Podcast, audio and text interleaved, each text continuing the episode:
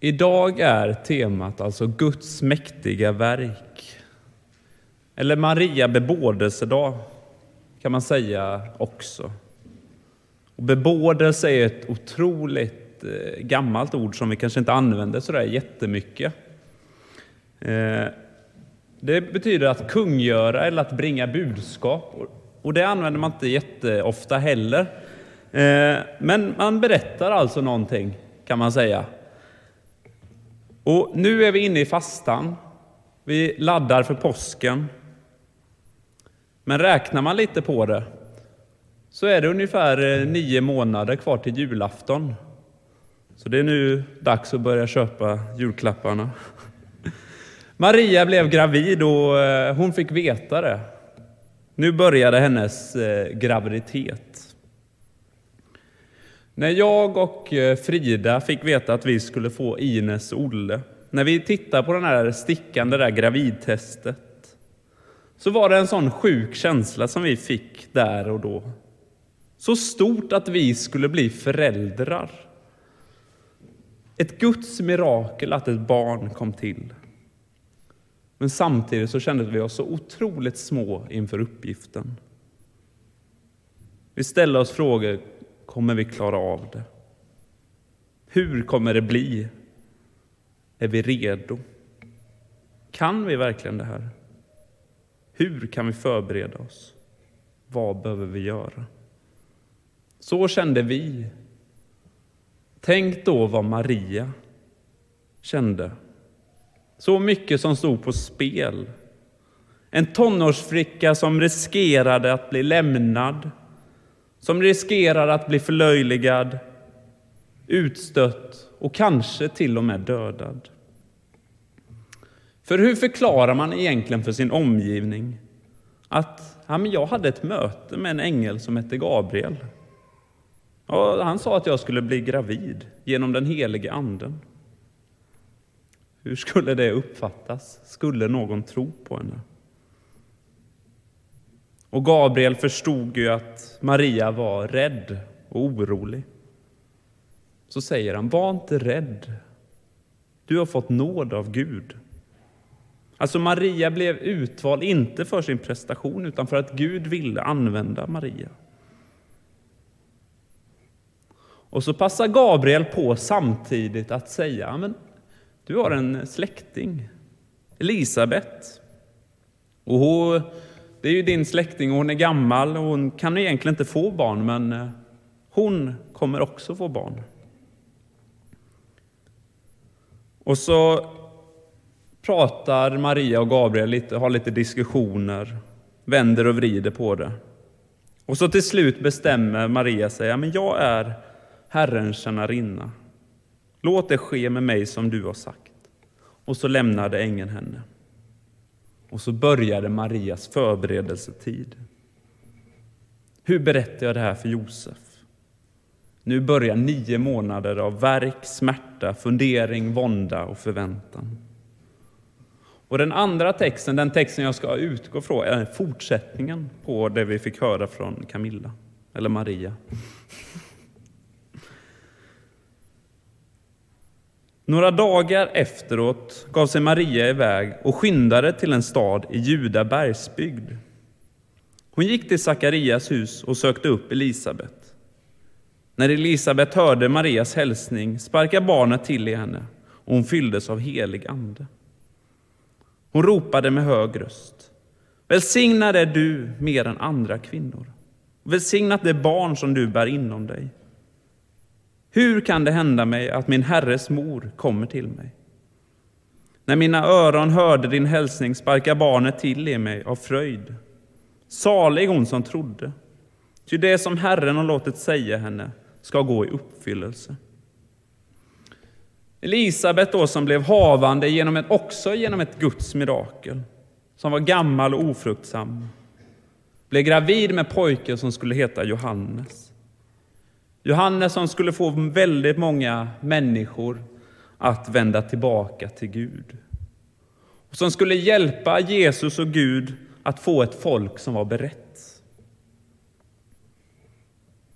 Alltså, Gud är ett geni. Gud visste att det skulle bli svårt för, och jobbigt för de här kvinnorna, båda två. De, han insåg att nej men, de här tjejerna behöver stöttning. Eller tjejerna, en tjej och en kvinna. Eller tant. behövde stöttning. De behövde bli lyssnade på, de behövde bli förstådda. Och så gör Gud det här genidraget, att matcha ihop dessa två. Gud skapar en win-win-win situation. Det här blir bra för Maria, det här blir bra för Elisabet och det här blir bra för Gud. Så himla smart. Jag tror att Gud arbetar på det här sättet. Han vill skapa möjligheter och situationer där alla är vinnare. I SMU, det som nu är Ekumenia, så fanns det ett motto, eller så var det någonting som folk drev med. Men man sa att i SMU är alla vinnare. Och det gjorde det ju svårt och onödigt att tävla. Eh, man fick inga pris, man fick ära. Eh, och det är ju bra på sitt sätt. Men det ligger ändå någonting i det om man tänker på Gud. För vill Gud göra vissa människor till vinnare och vissa människor till förlorare? Vill Gud att en person ska känna att det här blir hur bra som helst och en annan, jag känner mig utnyttjad och ledsen? Jag tror att Gud vill att vi är vinnare. Han gör oss alla till vinnare.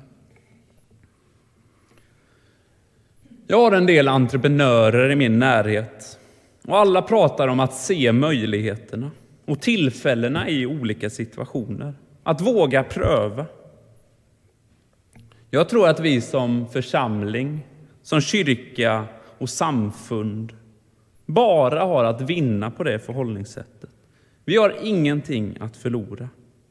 Tänk om vi hela tiden hade de glasögonen på oss, där vi ser möjligheter och där vi försöker se de här win-win situations. Alltså där alla är vinnare. Förra veckan så hade vi ett eh, gemensamt styrelsemöte med församlingsstyrelsen och Ekumeniastyrelsen. Och jag var med mest på Ekumenias möte. Och så började vi prata om eh, verksamhetsplanen för året. Vad som hade kommit upp på årsmötet några veckor tidigare. I våras så prövade vi, alltså förra våren, så prövade vi en pluggstuga. Där eh, ungdomar fick komma, komma till kyrkan, fick plugga, fick lära sig, fick hjälp fick en plats att vara på. Tänkte ungdomarna, det här, det här är någonting vi vill jobba på. Det här är någonting vi vill skruva lite på, någonting som vi vill göra lite, lite bättre. Tänk, och så sa ungdomarna så här, men tänk om det skulle kunna vara så att vi fick dit lite äldre, kanske pensionerade lärare eller verksamma lärare eller en vuxen som vill försöka förstå uppgiften eller någon som kan fixa fika. Vad bra det hade kunnat bli. Vad roligt det hade kunnat bli. Vad meningsfullt det hade kunnat bli. Här snackar vi en win-win-win situation. Alltså ungdomarna får plugga, de får möta äldre och varandra. Äldre får hjälpa till och känna sig önskade och behövda. Och kyrkan får vara i tjänst för ungdomar, för människor och för samhället. Det finns inga som helst förlorare på det här. Så här tänkte församlingens ungdomar. Tänk vilket föredöme och smarta de här ungdomarna är. Och vilka fantastiska ungdomar vi har i församlingen.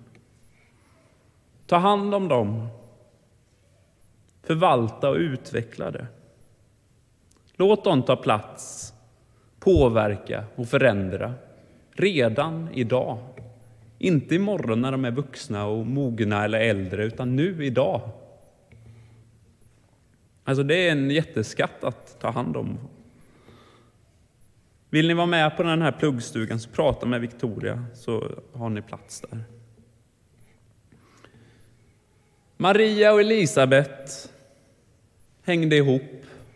De eh, delade och levde med sina frågor och sina funderingar.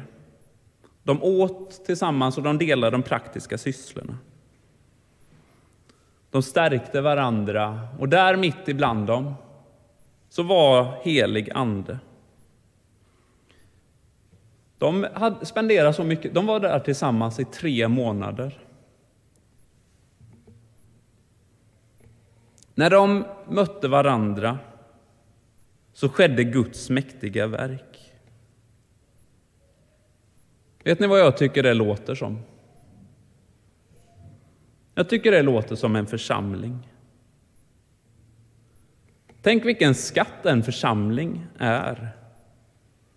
Alltså om alla visste vad en församling är så skulle man stå i kö för att bli medlem.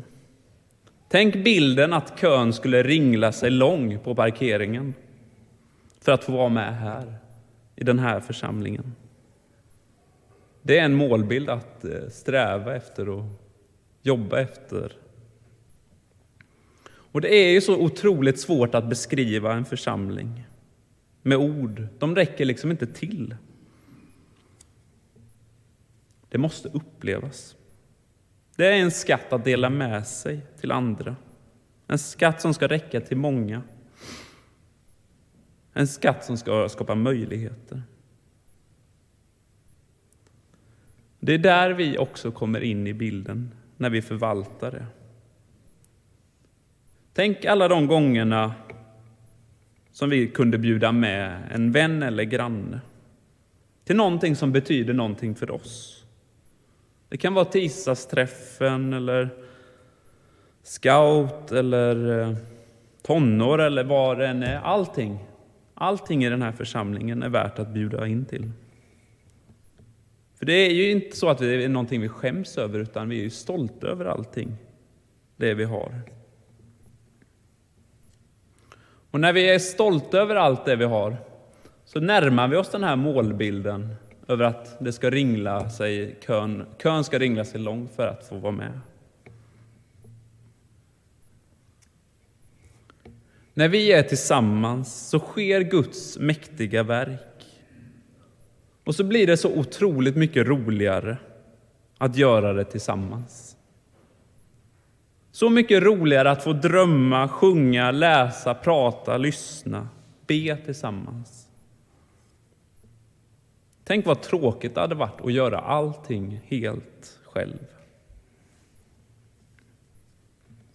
Ändå, om man gör någon form av samtidsanalys, så är det liksom lite ditåt det barkar hän.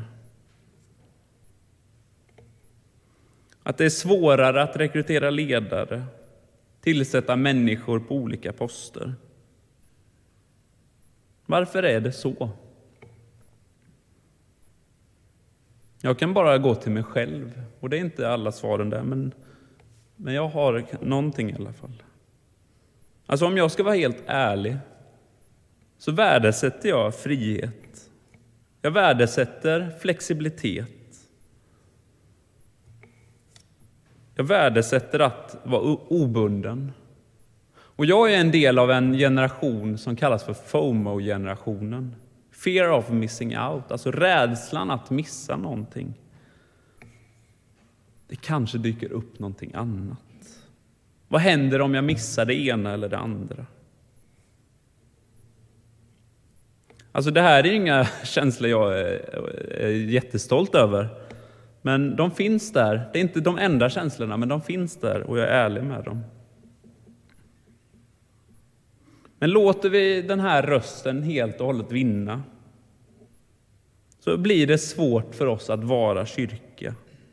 I alla fall på det sättet vi är kyrka idag. Men samtidigt som jag har den här rösten så ser jag så sjukt mycket engagerade människor i den här församlingen. Som inte tycker det är jobbigt att ha torsdagar uppbokade för att vara med på scouting. För de älskar scouting. Jag ser konfaledare som ger så otroligt mycket tid för att de älskar samtalet med konfirmanden. Jag ser allting det som händer i församlingen, allt det som görs, alla de människor som engagerar sig. Det är liksom så att det ger mer energi än vad det tar.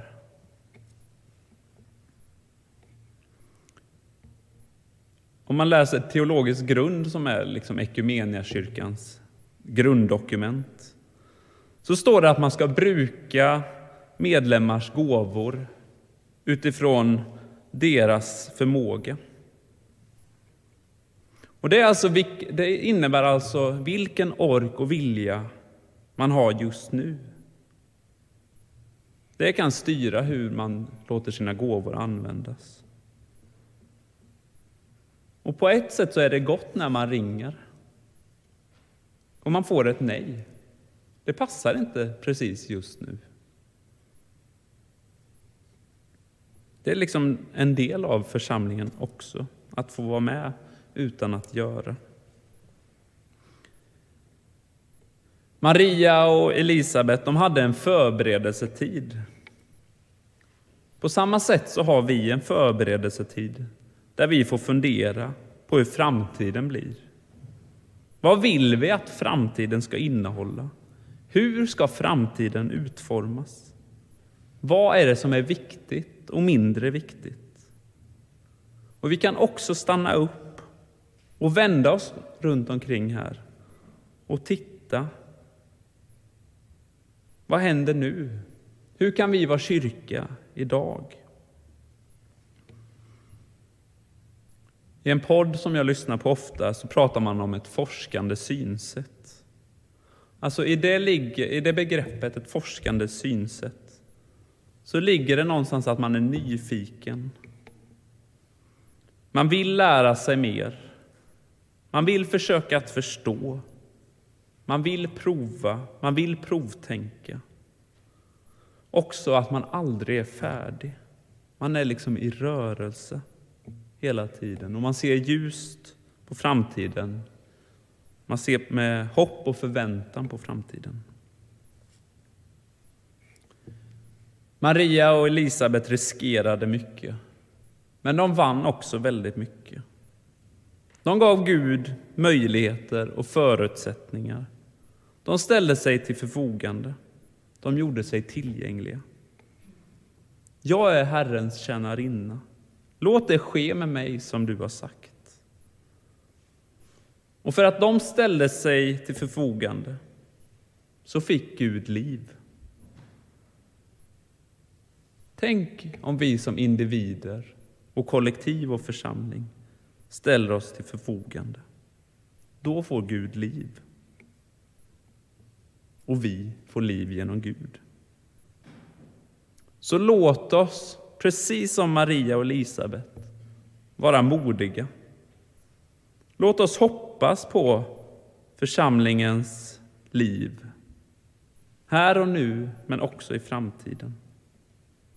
Låt oss ha ett forskande synsätt där vi som församling vill lära oss och hela tiden vara i rörelse.